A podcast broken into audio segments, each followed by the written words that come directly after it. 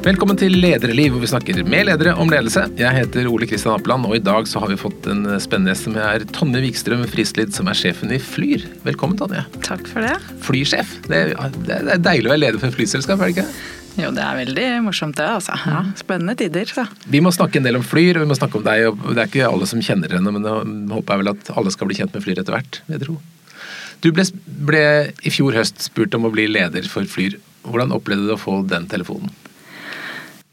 Skal jeg si. Det var jo Jeg syns jo det er veldig smigrende òg, da. Jeg så jo lanseringen av selskapet med de menneskene som skulle være med der, så jeg vet jo at det er en veldig flink gjeng. Så ja, jeg syns det var stas, og så syns jeg brukte litt tid å tenke meg om før jeg ble med på det. Jeg har jo vært i bransjen i mange år tidligere og syns det er en fantastisk bransje å være i. Eh, men jeg hadde liksom ikke sett for meg at jeg skulle tilbake igjen. Eh, jeg var litt ferdig med den da jeg sluttet. Eh, men når denne forespørselen kom, så var det vanskelig å si nei til det etter hvert, kjente jeg. Så det var ikke sånn du satt og ventet på at nå kommer de sikkert til å ringe meg?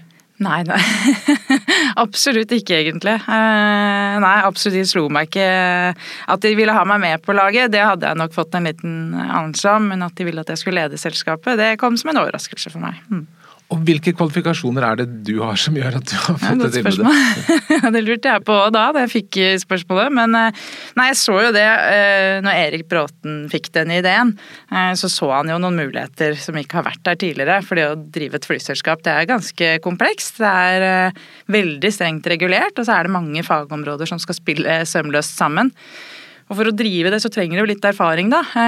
Så han, når pandemien kom og så både hvordan dette, hvilke muligheter som åpnet seg i forhold til å få tak i mennesker, riktige mennesker og, og fly, men ikke minst også dette at markedet kommer til å endre seg, og så da en mulighet, eller egentlig en eh, stor utfordring for eksisterende selskaper. Så dette var jo en mulighet for å skape noe nytt. Og i det så måtte han jo sette sammen et lederteam som da har ulik kompetanse for å klare å få stablet dette på bena. Man har jo klart det på ganske kort tid, eh, og når det er så mye som skal på plass av ja, du skal ha liksom avtaler med fly, du skal ha tak i masse mennesker, du skal ha prosesser, systemer, du skal ha lisenser, du skal få tillatelse fra myndighetene til å fly, så er det enormt, eh, og ikke minst kapital enormt spekter som skal på plass. Så, så satte han jo sammen disse ulike brikkene i et lederteam, og der manglet manglet vel eh, en plass. En som kan eh, litt om menneskene og effektivisering og, og crew-delen. Så da syns han vel teamet syns at jeg passet inn der, i tillegg til at jeg kanskje har noen egenskaper som rundt ledelse og som mennesker som de ønsker å få frem da, i en litt annen verden enn det vi er vant med innenfor luftfart fra før. De ble litt ertet før du kom på laget for et litt sånn mannetungt bilde? ja. Eller var bare menn? Var det, det var jo det. Ja, det er, jo, det er, jo, generelt få kvinner i bransjen, så um, det begynner å komme seg. Uh, men det er jo en kompetent gjeng, da. Så ja, jeg syns det, uh, det, var et morsomt bilde, og et ganske kult bilde òg, Men uh, ja, så Nei, det er bare en brikke som passer inn der, egentlig. Hm. Men det å bli leder, når var det første gang du følte på at du var en ledertype? Det, var det i barnehagen, eller? Nei, jeg har aldri, aldri, tenkt på det, egentlig. Jeg har aldri hatt noe drøm eller noe plan om å bli det heller. Og, men det, jeg liker jo liker å ta ansvar, og jeg liker å, å få det beste ut av folk. Så jeg har kanskje alltid egnet meg til det på et vis, men jeg har aldri staket meg ut liksom, veien for å bli leder. Det har ramlet litt på plass etter hvert som det har gått. Når var første gang du husker at du ledet noe? Kanskje den første gangen jeg det var vanskelig å lede noen, det synes, tror jeg var eh, sist jeg jobbet innenfor luftfart. Når jeg gikk fra å både jobbe, være på samme nivå eller også gjerne nivået under, eh, og vi drev med en stor omorganisering i selskapet og skulle plutselig lede disse. For dette var i Norwegian? Ja, dette var i Norwegian, ja. Um, og lede de Da flyttet vi jo deler av selskapet ut av mor eh, og startet datterselskaper. Og det, det, var kanskje noe av det mest krevende sånn ledermessig jeg har gjort. Eh, ja, fikk veldig liksom respekt for det. Ting som vi trodde var enkelt. Og, nei, jeg, brukte, jeg, brukte, veldig mye tid på hvordan jeg faktisk skulle lede folk da. Og det å gå fra, å komme ned fra organisasjonen oppover, det er ganske krevende, kjenner jeg. Det gjør det jo litt i dag òg, men det har vært stor forskjell på det å bli satt inn i en lederposisjon, komme utenifra. Hva var det som var vanskelig med det? Det første er jo, så har jo mange venner i selskapet òg. Eh, og jeg kunne ikke lederrollen noe særlig. Jeg kunne faget godt, og det er også ganske vanlig å liksom, vokse den veien. Men eh, og aldri si, vært skolert, eller som sagt, jeg har aldri hatt noen plan om å bli leder heller. Så jeg, det har formet seg litt etter som tiden har gått. Og det da, hvordan du liksom skal håndtere alle disse ulike menneskene. Jeg har aldri satt meg liksom, og, og, og, tenkt på hvordan vi skal gjøre det da, på en teoretisk måte. Så det har gått seg til, og da gjør man jo noen feil underveis. Eh, så jeg lærte masse av den. Gjorde masse feil. Eh, og håper noe riktig, men eh, jeg tror jeg lærte kanskje aldri lært så mye som leder som i den perioden der. Hva var det viktigste du lærte? Jeg har egentlig sett meg ned og alltid hatt det litt i meg det der å like at folk kan forskjellige ting, men mer den bevisstgjøringen tror jeg kanskje jeg lærte mest. Det å øh, går, Det går jo litt fort for meg noen ganger. Altså jeg er jo utålmodig og liker fart, så det er å stoppe opp litt og, og, og, tenke litt mer, rett og slett, være mer bevisst på hvordan du skal få eh, folk rundt deg til å prestere, det tror jeg kanskje det lærte mest. Og jeg gjorde det nok ikke så godt da. Eh, det tror jeg jeg har blitt bedre på etterpå. Du har spilt litt håndball blant annet, som idrettsbakken, Er det, det blir ofte brukt som sånn metafor for eh, jobb. Er, er, har det noe verdi for deg i jobben? Ja, egentlig så er jeg ikke så glad i sånne Jeg, syns ikke det har så stor overføringsverdi, for å være helt ærlig. Men eh, noe har det selvfølgelig eh, gjort med meg. Blant annet kanskje ja, det derre å um, sette sammen gode team, og så sette pris på at folk kan andre ting enn deg. Eh, og også sette, erkjenne at jeg ikke kan Det veldig mye jeg ikke kan, da, og, ikke, og synes det er helt greit. Samtidig, og kanskje det som det der med og den tilbakemeldingsloopen som du har innenfor idrett, at du hele tiden søker etter tilbakemelding for å utvikle deg, det er kanskje en egenskap som jeg har fått eh, gjennom den delen av livet. Mm. Man tenker kanskje at en flyselskapssjef skal være ingeniør eller økonom, men det er ikke du? Nei. Jeg, om bakgrunnen. Så er jeg statsviter, eh, og jeg hele livet mitt har egentlig vært litt tilfeldig. Eller tilfeldig i den forstand at jeg har gjort ting som jeg syns er ålreit, eh, Og da er det jo sannsynligvis ganske god på det. Du har studert statsvitenskap, og så har du vært i bank? Ja, startet i Citibank. Mm. Og så gikk jeg derfra da begynte jeg faktisk i Norwegian etter det. Men det er jo det altså var stor forskjell på det å drive innenfor en amerikansk bank med veldig eh, voldsom struktur, byråkrati. Eh, ting går jo litt tregt, eh, men også et utrolig sånn, eh, godt system på ting. Da. Eh, du fraviker ikke mye ut av de rutinene du har, så det er jo bra. Og det er det menneskesiden som du da har jobbet med? Ja, da jobbet jeg både med service eh, og også utvikling av prosesser, egentlig. Så det var ikke så mye mennesker jeg jobbet med da, mer eh, prosessutvikling. Eh, og så ja, ble jeg spurt Da var jeg Jeg var der i ganske mange år, i syv år vel. Og så ble jeg spurt om ikke jeg ville søke på en jobb i Norwegian. Jeg har aldri jobbet innenfor luftfart før, ikke, ante ikke hva det dreide seg om egentlig. Det var en planleggingsstilling der. Visste ikke hva det innebar heller. Men jeg fikk den, og og likte både det der Jeg syns det er veldig morsomt den der eh, som sagt, den kompleksiteten innenfor flybransjen som driver med planlegging og logistikk der. Det er så mange brikker som skal på plass da, for å få det effektivt og, eh, og at operasjonen skal gå sømløs. Det syns jeg er veldig interessant. Og så liker jeg den farten og energien som er i luftfart, for det, det endrer seg jo hele tiden. Altså, du sitter jo Jeg er jo et konkurransemenneske, jeg kommer jo fra idretten òg, så jeg syns jo det er morsomt.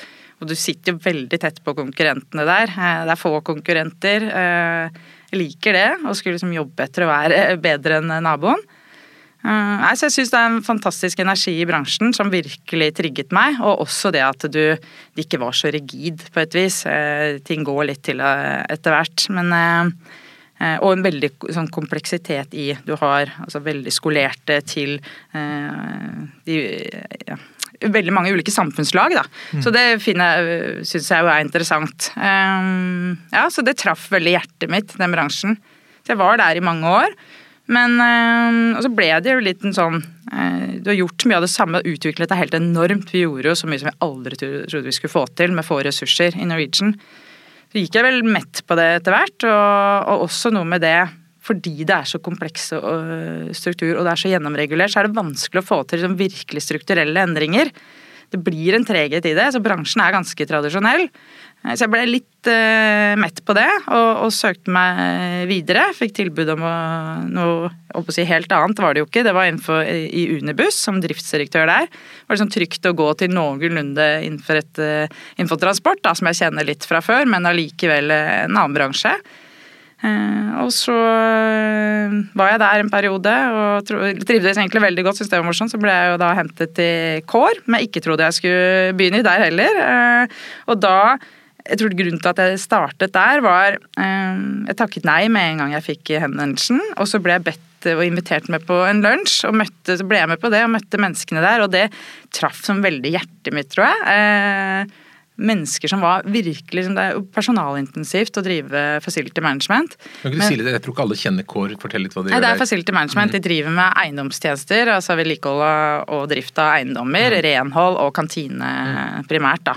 Eh, Holde kontorene i gang. Eh, Så det er jo der også mennesker i alle samfunnslag og alle kategorier. Og det der å virkelig ta vare på menneskene, det tror jeg jeg lærte eh, mye av der. Og, og det traff meg så veldig i, i det møtet med disse i ledergruppen. Hvordan de genuint mente det. For det er jo, det er jo enkelt å si menneskene er viktigst. Det betyr alle sier jo det, egentlig. Mm. Men det var, ga en annen feeling å snakke med de. Så jeg ble med dit, i tillegg til at det er en utrolig kompetent ledergruppe som sitter der. Så eh, virkelig respekt for de menneskene. Var jeg vel der i ja, et par-tre uker vel, før eh, covid eh, kom. Og det er en vanskelig start i en ny jobb, samtidig som jeg syns det var en utrolig lærerik prosess. Ja. Jeg husker da satt jeg og jeg har jo den der utålmodige, se muligheter, finne løsninger eh, litt i ryggraden. Når vi satt i ledermøter der, husker jeg eh, når eh, sånn krisemøte, når covid kom, eh, så var liksom situasjonen beskrivelse rundt hvor hva gjør vi? Mens jeg, min første innskytelse var vel liksom hva, hva gjør vi nå, hvilke muligheter har vi? Da tror jeg jeg satt seks andre og så bare rart på meg og tenkte men Tonje, det er jo, nå skal vi ta vare på våre ansatte, og vi skal ta vare på kundene. Og da kjente jeg sånn Ja, det, det jeg fikk en sånn ro da, rundt det skulderen. Bare datt ned. Det var utrolig godt. Og det er jo ikke det at man ikke ser muligheter der heller, men det er liksom noe med at du får til begge deler. Og det har jeg virkelig, liksom, det tar jeg med meg inn i denne nye jobben min nå. At vi, vi kan drive utrolig effektivt og godt, men det er ikke noe motsetning ved det å, å kunne ta vare på menneskene samtidig. Da. Så det er jo det vi prøver å få til hos oss i Flyr nå. Du jobbet jo over ti år i Norwegian med Bjørn Kjos som toppsjef. Han er en, en av Norges mest eh, kjente, profilerte ledere. Hva lærte du av han som leder? Han er en fantastisk visjonær, da. Eh, Kanskje eh, mest visjonær eh, menneske jeg har møtt. Eh, Har jo ideelt i det kom på løpende bånd. Så det var jo noe med det å ja, å, å få til utrolig mange ting som du ikke hadde tenkt du uh, skulle klare, og ikke egentlig tror jeg kommer til å bli meg ut på en gang. Og det der med å få ansvar og tillit og ja, rett og slett bare bli kastet ut i det, eh, har jo gjort at jeg har lært ja, De ti årene jeg jobbet der, så jeg gjorde jo noe nytt sikkert hvert halvår. Eh, og vi fikk jo til eh, veldig mye. eh, og operasjonelt liksom hva du, ja, hva du klarer når maskineriet går og du klarer å få hodene til å fungere sammen. Ja, hva vi faktisk evner å få til der. Jeg tror det er det jeg har lært mest av. Og syns det var kjempegøy med den perioden. Høyt tempo. Mm. Og så kommer du da inn i Flyr, og så skal dere, er det egentlig bare en liten gjeng med en idé og litt penger og litt kompetanse. Så skal dere lage et, et flyselskap. Hva er, liksom, hva er oppskriften på å lage flyselskap? Hvilke ting må på plass for at det skal bli bra? Ja, som sagt, Du krever jo eh, veldig tydelig kompetanse på ulike fagområder. Du må ha en operativ enhet som sørger for å få de riktige flyene, de skal bli vedlikeholdt, de skal være, fungere godt. Eh, du må ha menneskene til å fly de, og eh, du må ha mm, liksom, Du skal ha et rutenettverk, du skal ha noen som skjønner hvordan du planlegger det ut fra markedet, du skal ha noen som priser dette riktig, og, eh, et kundesenter som skal ta vare på eh, de som ønsker å fly med oss.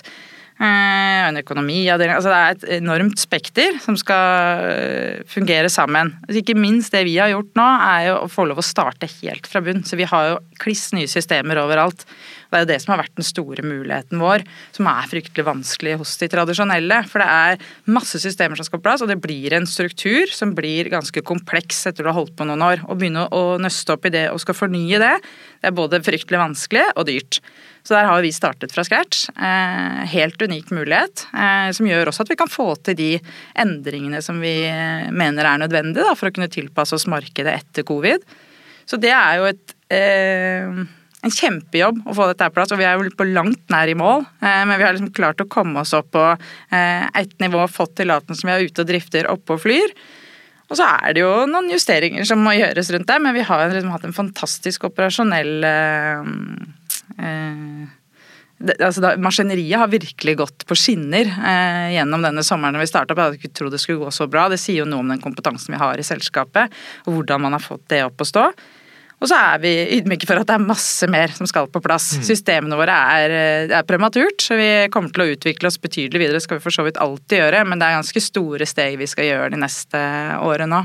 Men du mener at det er på en måte en fordel å ikke ha, altså, å ikke ha en arv, og det starter med helt blanke ark? Ja, utvilsomt. Det er jo vår åpenbare fordel, helt klart. Vi kan være, og det er jo også derfor vi kan ha en annen modell. Vi ønsker å snu den trenden vi som bransjen har gått i de siste årene. Og ved det å kunne starte med blanke ark, med en organisasjon som er enkel, lettbent, eh, liten, eh, og også systemer som fungerer godt sammen, er, eh, hvor det er mulighet til å drive utvikling på en enkel måte. Det gir oss jo den fordelen at vi kan ta oss råd og tid til å ha ansatte tett på. Vi har et kundesenter i Norge som jeg ikke tror noen andre har. Vi, vi har alle våre ansatte i Norge i selskapet. Eh, og da er vi tett på våre ansatte, og det er jo liksom noe av det som er kjernen ved vårt selskap. Vi vil ta godt vare på de, og da tror vi også på at vi klarer å ta godt vare på kundene våre. Mm. Og så ser vi jo det kommer til å være en lang reise å bli, få et eh, navn der ute, og at folk ønsker å fly med oss og prøve oss igjen. Men vi ser i hvert fall på de tilbakemeldingene vi har fått så langt, så har jo det vært overveldende positivt. Og det har sagt noe om at vi Eller sier jo også noe om at det er riktig det vi har tenkt, da. Eh, at folk setter pris på det der å ha Få god kundeservice, få en god opplevelse om bord, få tak i kundeservice. De snakker norsk, de hjelper deg med det det måtte være. Ja, man kan jo spørre seg om man trenger dere. Altså, vi har jo to gode flyselskaper som dekker alle, mm. eller tre faktisk, som dekker veldig mye i Norge. Hva, hva er det dere kan tilføre nytt som gjør at dere skal tiltrekke kunder? Ja, Vi tror jo at konkurranse, eller konkurranse er jo generelt bra. Det er bra for utviklingen eh, generelt, og det er bra for kundene. Eh, og der er jo vi et annet element. som sagt. Vi starter programmet, vi, vi kan være mye mer effektive. Vi er rigget vi for et marked som kommer etter covid. Og det, det betyr markedet, at det skal være billigere? er det det som er ideen? Vi skal ha rimelige priser. Mm. Eh, og så skal vi ta eh, dette med eh, Kunden er viktig for oss, da. Eh, og det kundefokus har ikke vært i bransjen de siste årene. Det er en kjempetøff bransje. Det er som sagt veldig kompleks. Det er vanskelig å, å spare og, og, og trykke, liksom være, være effektiv i forhold til kostnadsstrukturen. Eh, og da må du begynne å skvise. Da må du skvise på de ansatte, du må skvise på kundene og dra det meste ut du kan ut av de. Og det er jo det vi ikke trenger nå. Vi, vi må være ekstremt effektive, eh, og det er vi. Men vi kan bruke tid på å ta vare på folk, og, jeg, og det tror vi har en verdi. Da, så det er det vi ønsker å skille oss ut med. At vi, det skal være et godt selskap å jobbe i, du skal ha det bra, få lov å bidra. Og du skal også ta veldig godt vare på kundene. Så Vi håper det da, at de som flyr med oss, merker at ah, dette var faktisk veldig ålreit og har lyst til å fly med oss igjen. Og så langt så har vi jo, er jo det den tilbakemeldingen vi også har fått. Så, så, hvordan konkret skal jeg som da reisende oppleve at dere er bedre enn de andre?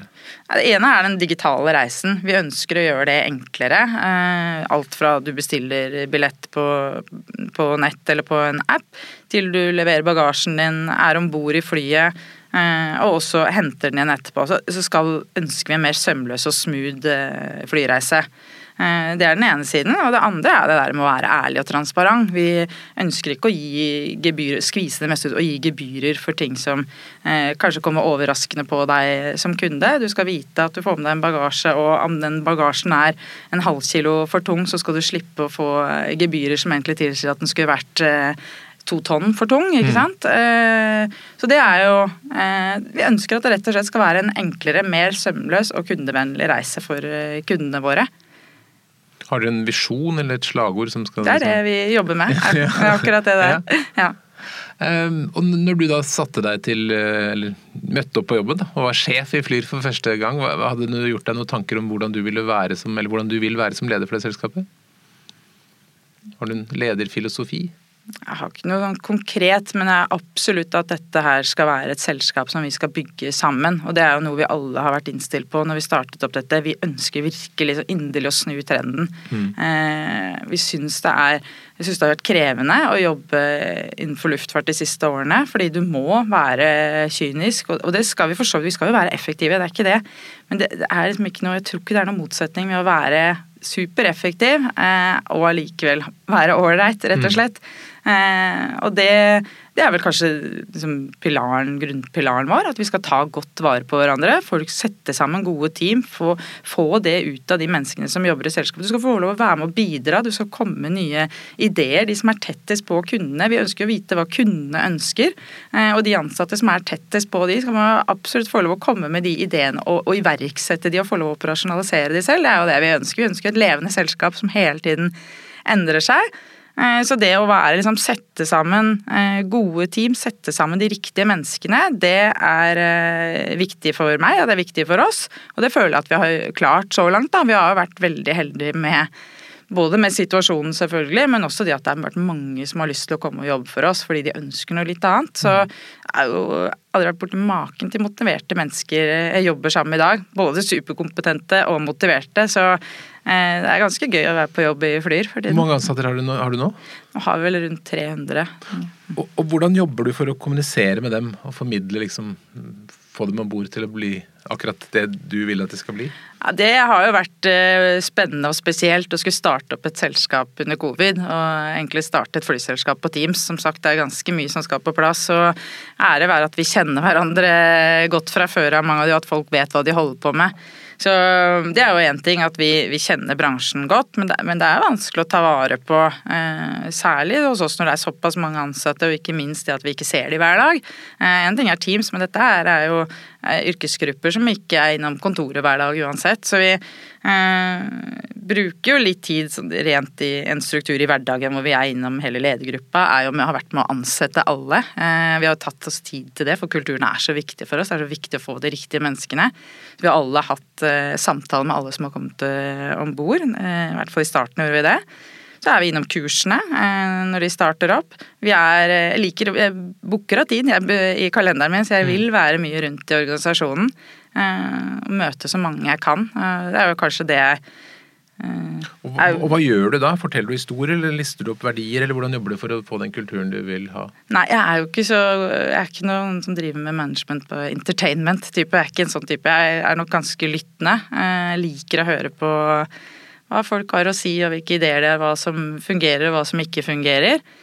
Og så bidrar jo jeg òg, hvis jeg har noen input i det, men mest eh, når jeg er rundt, så er jeg egentlig mest i en dialog med de jeg jobber sammen med. Eh, og, så har vi jo selvfølgelig Vi har jo type sånn allsamlinger som vi setter opp, hvor vi informerer om status på selskapet, hvordan det går og mm. hvilken retning vi ønsker, og ulike temaer på de møtene som jeg mye har startet opp. Men som sagt, vi er jo vi har akkurat startet, så den strukturen er ikke eh, 100 ennå. Men vi, vi, prøver i hvert fall å, å, få tid til å inkludere og informere og, og involvere. Og så tror jeg akkurat det er bare med den nærheten. Bare lytte og være på samme nivå som alle rundt en er viktig. Jeg mm. liker i hvert fall det selv. Jeg liker at jeg blir tatt på alvor og, og får lov å utfordre meg selv og, og, bidra. Det tror jeg de fleste liker. Det prøver jeg å få til med de som jobber i Flyr òg. Dere har tre fly i dag. Hvor, hvor, hvor flyr dere hen? Vi startet opp i Nord-Norge. Eh, så der flyr vi Evenes, Bodø og Tromsø.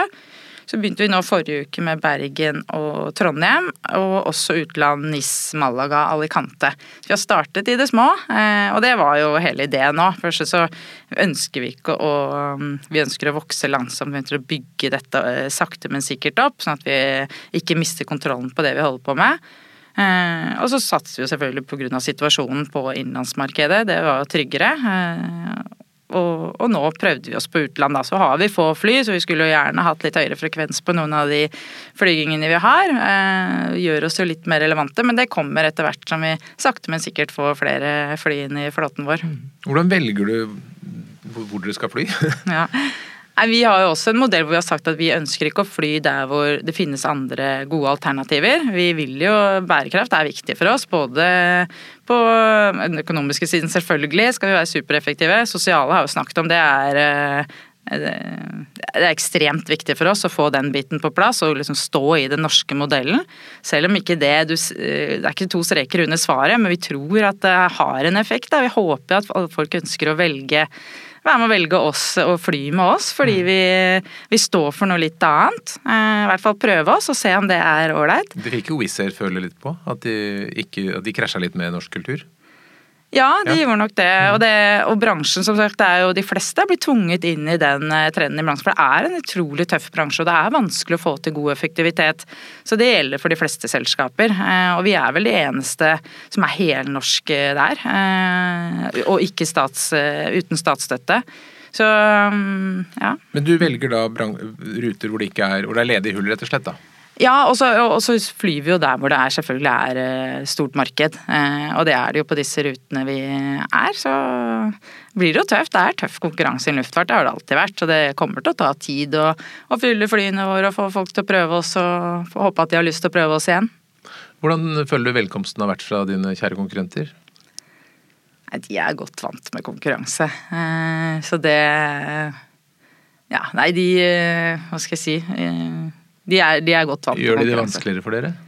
Nei, Vi kommer alltid til vi gjør det vanskelig for de, og de gjør det vanskelig for oss. Sånn er jo konkurranse. Eh, Men selvfølgelig, vi har jo vi har et ønske om at vi Vi vil jo eh, ha et behov for å konkurrere på like vilkår. Og det ser vi at det opplever vi at det kanskje ikke har vært lagt til rette for nå. Eh, Ikke det at vi er veldig for at man skal få støtte gjennom krisen og sånn, men at det f.eks. kan brukes til å, å dumpe priser. eh, det, det skulle vi ønske at det ikke var, var mulig å få til, men eh, ja, nei, vi må vi jobber med det vi kan og tro på det vi gjør, så får vi stå i det så lenge vi kan. Mm. Hvor store har dere tenkt å bli? Vi skal dekke det norske markedet, er det som vi har sagt, så vi skal ikke bli altfor store. Det, på sikt så blir vel det en rundt eh, ja, mellom 26 og 30 fly et sted. Um, og det er det vi har tenkt å stoppe med. Det er liksom vår markedsplan. Og, og litt av grunnen til det er jo at vi skal ha fokus på det vi kan, eh, som er det norske markedet. Og vi ønsker å ta vare på eh, Fortsette å kunne ta vare på våre ansatte og kundene. Blir du for stor, så i hvert fall de fleste av vår erfaring at det er vanskelig og krevende hvis det blir for mye kompleksitet og for mange mennesker. Så det, vi ønsker ikke å Hvor gå mange vekk må fra du den være modellen. om for å, hvis du klarer det, da? Hvis du skal være sånn bortimot 30 fly? Hvor mange mennesker? Ja. Hvor stor ser organisasjonen din ut da, tror du? Ja, det blir jo øh, nesten tigangeren det vi er her i dag, da. Ja. Ikke fullt så mye, men tusen et par tusen. Ja. Mm. Hvordan klarer man å ta vare på kulturen, den derre eh, småselskapskulturen, opp til et stort selskap? For det var, jo- jeg tenker litt tilbake på Norwegian. Det var jo sånn en liten, koselig selskap først, og så ble det stort, og så var det kanskje noe som skjedde underveis der. Hva hva tenker du rundt det? Det, det er jo to sider av det. Eh, Luftfart er sånn veldig engasjerende. Det er mange som har hjerte for luftfart. Så noe av det er egentlig ganske enkelt. Eh, Det er en sjel i seg selv, den derre farten, energien. Eh, Så, så engasjementet er nok der. Men akkurat det når du, som sagt, når det blir for kompleks struktur, det eh, blir eh, det blir vanskelig å vite hvem du skal ivareta òg, tror jeg, da, når du skal inn i flere land. Du skal bygge opp eh, I hvert fall er min erfaring med det. Eh, og vi mener jo at vi trenger ikke å bli så store, og det er jo kanskje også det som er vår store konkurransefordel. Vi trenger ikke den skalaen andre gjør for å være lønnsomme. Og da kan vi holde oss til Norge. Så eh, kanskje Den store forskjellen er kanskje at vi er ikke tvunget til å gå ut for å være, evne å tjene penger. Vi kan beholde oss her. Og da kan vi holde oss til en størrelse som tilsier at vi, vi kjenner markedet, vi kjenner menneskene våre. Vi evner å ta vare på det. Mm. Men det er, mm, som du sier, de andre tilpasser priser og gjør det sånn. Det, man, det må være en ganske mm, krevende situasjon hvor kan, folk prøver å presse dere i begynnelsen og, og se om dere faktisk ja, klarer å bli lønnsomme overleve. Hvor hvor lenge holder dere ut? Sånn, jeg si? Nei, det er kjempevanskelig, og det, vi, vi visste jo det når vi kom. Vi har jo starta opp dette så vi har jo eh, et langsiktig eh, Sitter i dette langsiktige. Vi skal ikke liksom lykkes det første halvåret, det har ikke vært planen vår. For det vet vi at det tar tid. Det tar tid å bygge organisasjonen, det tar tid å få operasjonen til å skli sånn som den skal, og så skal du begynne å bygge marked og bli kjent. Så, så, så vi har god tid. Eh, men absolutt, er, eh, vi ser jo at det er en anspent situasjon, og det er eh, Vi ønsker jo at det skal være en fair og, og ryddig konkurranse, sånn at vi ser priser som faktisk er rasjonelle, hvor man får dekket kostnadene sine. Um, for vi vet jo at vi er konkurransedyktige på pris. Um, så gjelder det da Ja, vi, vi skal stå i det lenge, vi altså. Men vi jobber jo steinhardt for at vi imøtekommer kundenes behov. Og, og ja, ønsker at de skal ha en bra opplevelse med oss. Så vi, dette kommer til å ta tid. Eh, tilbakemelding som sagt så langt har vært bra, og det er jo det vi må, må leve opp til, egentlig. Bare det noen prøver å snakke med en annen som syns at dette var ålreit, og det er jo litt den eh, ballen som har begynt å rulle. Eh, og så er det, ja, skal vi bare jobbe kjempehardt for at kundene syns at det er ålreit å fly med oss i Flyr. Skal dere ha et eh, flott bonusprogram, dere òg? Nei, vi jobber med det. Eh, et type lojalitetsprogram. Det gjør vi. Vi har ikke noe på plass ennå. Som sagt, det er mye som ikke er på plass, også systemmessig, så det her kommer til å Det kommer etter hvert. Eh, men vi har det internt, da, eller vi har ikke et bonde, vi har et overskuddsdeling eh, som gjør egentlig, som jeg tror er veldig er litt nytt innenfor i hvert fall eh, hos våre konkurrenter i denne bransjen. Hvordan fungerer det? Nei, det er jo når vi Det er rett og slett en overskuddsdeling. Altså får, I det øyeblikk vi får et overskudd, så skal dette deles En andel av det deles på likt mellom alle ansatte i selskapet. Mm. Og det tror vi ja, bli med å eh, være med på å liksom, føle litt i eierskapet. Føle at vi er likhet eh, mellom oss, det er rettferdig. Vi, ja, du skal være med og bidra. Skal du dele det med oss kundene nå, eller hvordan tenker du om det? ja, nei, det er jo Vi ser jo på dette med lojalitetsprogram mm. etter hvert, absolutt. Så, ja, og det er jo øh, ja, nei, vi skal ha det. Og så syns vi jo det er morsomt nå, da, for vi bygger jo dette selskapet sammen, og vi bygger det også med kundene. Så vi får jo så mye henvendelser fra kunder som har ønsker om steder å reise eller andre produkter, eller Og det ønsker vi å prøve å få til en god form på etter hvert, da. Eh, og lytte til kundene våre og prøve å justere oss etter hva de eh, ønsker. Så vi bygger det både sammen med alle ansatte, men også kundene våre. Mm. Det å være da i en så, som du sier, bransje med høyt tempo, mye press, og da under hard konkurranseetablering, hvordan virker det på deg? Det må være et ganske stort, en stor belastning? Det er gøy. Jeg synes jo, ja. Nei, jeg hadde jo aldri gjort dette hadde jeg syntes det vært belastende. Jeg syns jo det er kjempegøy. Det trigger meg. Jeg elsker at det, som sagt, den energien i bransjen den, Jeg kjenner jo det når jeg er tilbake nå, hvor, eh, hvor, god den er. Selv om det har vært utrolig trist å begynne med nå. Å gå på Gardermoen hvor det ikke er et menneske. føles som å går på Gravlund. Det er jo mm. trist. Men nå når det begynner å liksom bli litt liv igjen, begynner å, øh, mennesker begynner å reise rundt, møte familie, venner på jobb. Det er, det er liksom en helt unik energi da, innenfor luftfart, sånn jeg opplever det. Og så som sagt, så er jeg et konkurransemenneske. Jeg synes er, jeg blir trigget av å prøve å, å gjøre ting bedre enn en naboen. Eh, og så syns jeg det fokuset vi har fått nå, jeg, jeg, liker det veldig godt. Det å kunne få lov å lytte til ansatte, hva er det de mener at kan gjøre hverdagen bedre. Og ikke minst at vi kan ha fokus på kundene og bruke tid på å se hva er det kundene faktisk etterspør, og tilpasse oss det. Mm. Hvor mye jobber du? Ganske mye. Ganske mye. Eh, men jeg syns Ja, nei, det er masse jobb, er du gæren. Eh, masse jobb, men men veldig gøy. Det er som en hobby for meg òg, så jeg føler ikke at jeg, jeg blir ikke så sliten av det. Jeg får bare masse energi av det. Så bra. Mm. Men øh, vi vet jo hvordan verden har vært. Øh, og så har det vært covid, og, og det, vi har også en ganske kraftig økende miljøbevissthet. Hvordan tror du disse tingene påvirker flymarkedet fremover? Jeg tror det kommer til å bli påvirket, men jeg uh, skulle gjerne ha sett inn i krystallkulen og hvordan det kommer til å bli. Det, det, er det jo ingen som vet. Men vi tror jo at man kommer til å reise mindre. Så, og det er jo også litt av starten til Flyr. Det at vi tror markedet kommer til å endre seg. Og det vet vi at disse legacy carrierne kommer til å slite med, for de trenger så stor skala. Så vi er jo rigget for at folk skal kunne fly mindre. Vi kan være lønnsomme på en mindre størrelse. Det er det ene. Og så er det også dette med Eh, miljøvennlig luftfart. Det er jo vond smak i munnen å snakke om miljø og, og drive og sende fly opp i luften. Mm. Men vi er jo også, vi har korte leasingavtaler på flyene, så vi kan kunne skifte ut når teknologien endrer seg. Og i det øyeblikket um, du får mer bærekraftig drivstoff tilgjengelig, og ikke minst en pris, som, så vil jo vi selvfølgelig benytte oss av det. Og så er det dette med ja, Kanskje det viktigste for oss det er det at vi skal ikke bore hull i luften. Vi skal ikke presse på med for mye frekvens og, og prisene for mye ned for å tvinge frem etterspørsel som egentlig ikke er der. Vi kan drive på et lite nivå. Har du litt dårlig samvittighet for klimasiden? Det er jo alvorlig, absolutt. Så vi, vi, må jo rette oss etter det. Men jeg tror derfor det, så, så liker jeg vår modell, da. Eh, fordi at vi skal ikke eh, må, Vi må ikke måtte fly masse eh, for å kunne være lønnsomme. Så det, det, passer jo inn i en sånn type Og noe må vi fly. Noe må vi fly her, spesielt i Norge. Vi har en infrastruktur som tilsier at vi ikke kommer oss steder uten å, å fly. og og så er det jo en fin ting å kunne besøke familie og venner. Jeg ser hvordan jeg savnet det eh, selv under covid, å reise. Ikke at Jeg kommer nok ikke til å reise like mye jeg heller, eh, fremover som det jeg har gjort. Men noe må vi fly, og, og vi er jo rigget, mener jeg, da. For den, så der har jeg ikke dårlig samvittighet. Der syns jeg vi er et bra selskap for fremtidens luftfart. Mm. Er det jobbreiser eller privatreiser som skal gjøre dere lønnsomme? Eh, ja, det kommer Altså, det er jo primært eh, private markedet som kommer til å ta seg opp. Eh, jobbmarkedet er jo der, men det kommer til å bli redusert. Så, men vi, vi skal ta imot alle passasjerer, vi. Og vi har jo også en veldig fleksibel modell, da. Så vi tilpasser oss det markedet som er, og ikke minst kundene. Om det er forretningsreisende eller private. Så hos oss så kan jo Det er uten gebyrer, du kan booke om fleksibelt. Så det skal være veldig enkelt hos oss. Så ja, vi skal være tilpasset forretningsreisende også, absolutt. Hvordan ser de markedene ut sånn tradisjonelt sett?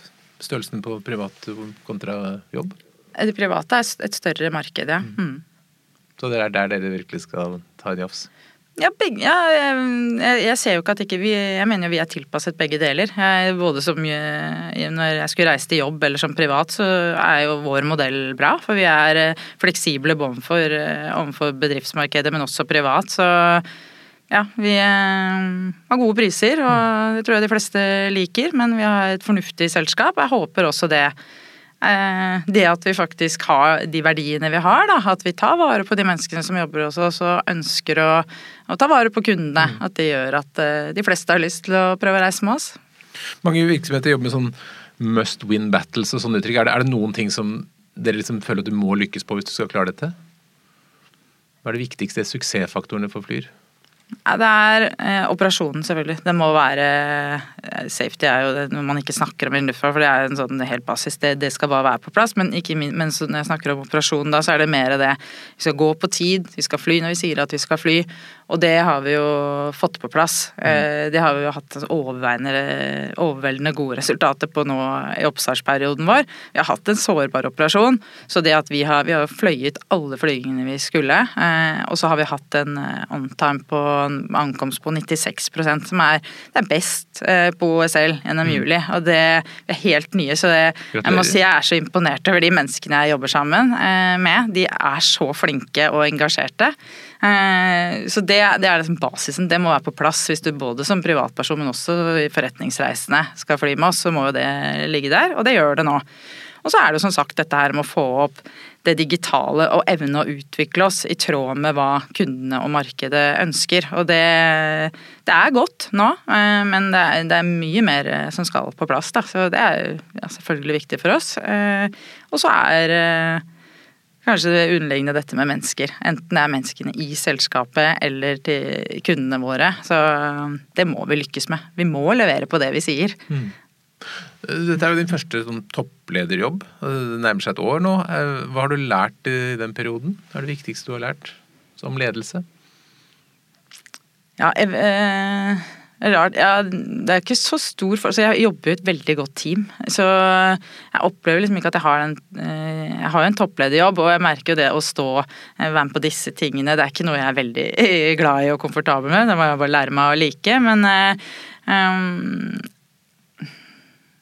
jeg tror jeg syns jeg liker å jobbe i team, og jeg tror kanskje sånn sett så opplever jeg ikke dette så forskjellig. Jeg liker det derre å finne det beste mennesket, finne ut hva, hva er det de ulike kan bidra med for å komme de, til de gode løsningene og de gode resultatene.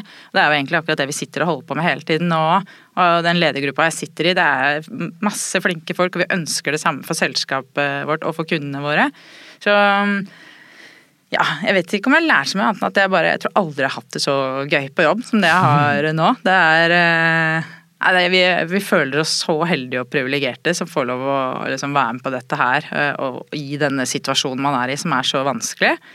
Eh, og så bare ivrer vi da, etter å liksom, få folk til å prøve oss og, og vise hva vi kan stå for. Vi syns jo det er gøy å levere godt, så ja. Hvis det kommer en ung person til deg og har lyst til å bli sjef, sånn som deg, kanskje et av barna dine, kanskje mamma, jeg vil bli sjef. Hva, hva er de tre viktigste rådene for å bli en god sjef? Nå har jeg som sagt jeg aldri liksom satt meg det målet å bli sjef, så jeg syns det er vanskelig å gi noen gode råd. Kanskje mitt råd er egentlig på karriereveien er å øh, gjøre litt av det, søke etter de tingene man liker og trives med, for da tror jeg du gjør en god jobb. Uh, og også uansett egentlig gjøre en god jobb der du er, så kommer ofte ting litt av, seg selv, har det i hvert fall gjort for meg.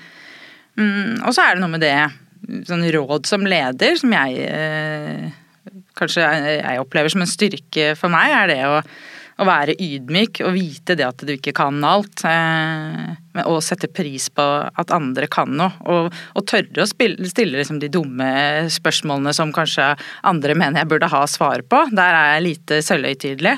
Og det tror jeg altså er riktig for å få frem ulike perspektiver og for å ta ja, omforente, gode, helhetlige beslutninger. da. Så ja, den ydmykheten og se, se, mennesker for det de er, og at de, de, fleste har noe bra å bidra med, det kanskje det er, tror er viktigst. bra. Tonje Vikstrøm Friise, tusen takk for at du kom til Lederliv. Lederliv er en podkast fra Apeland. Vi legger ut nye episoder hver fredag, og du kan trykke abonner, så får du et varsel. Redaksjonen består av Ellen Paulsen, Lars Jarle Melum, Lars Bolden og meg, som heter Ole Kristian Apeland. Vi er veldig mottagelige for ros og ris på e-post til meg, ole at apeland.no. Eller du kan gi oss en stjerne der hvor du hører podkasten. Takk for at du lytter.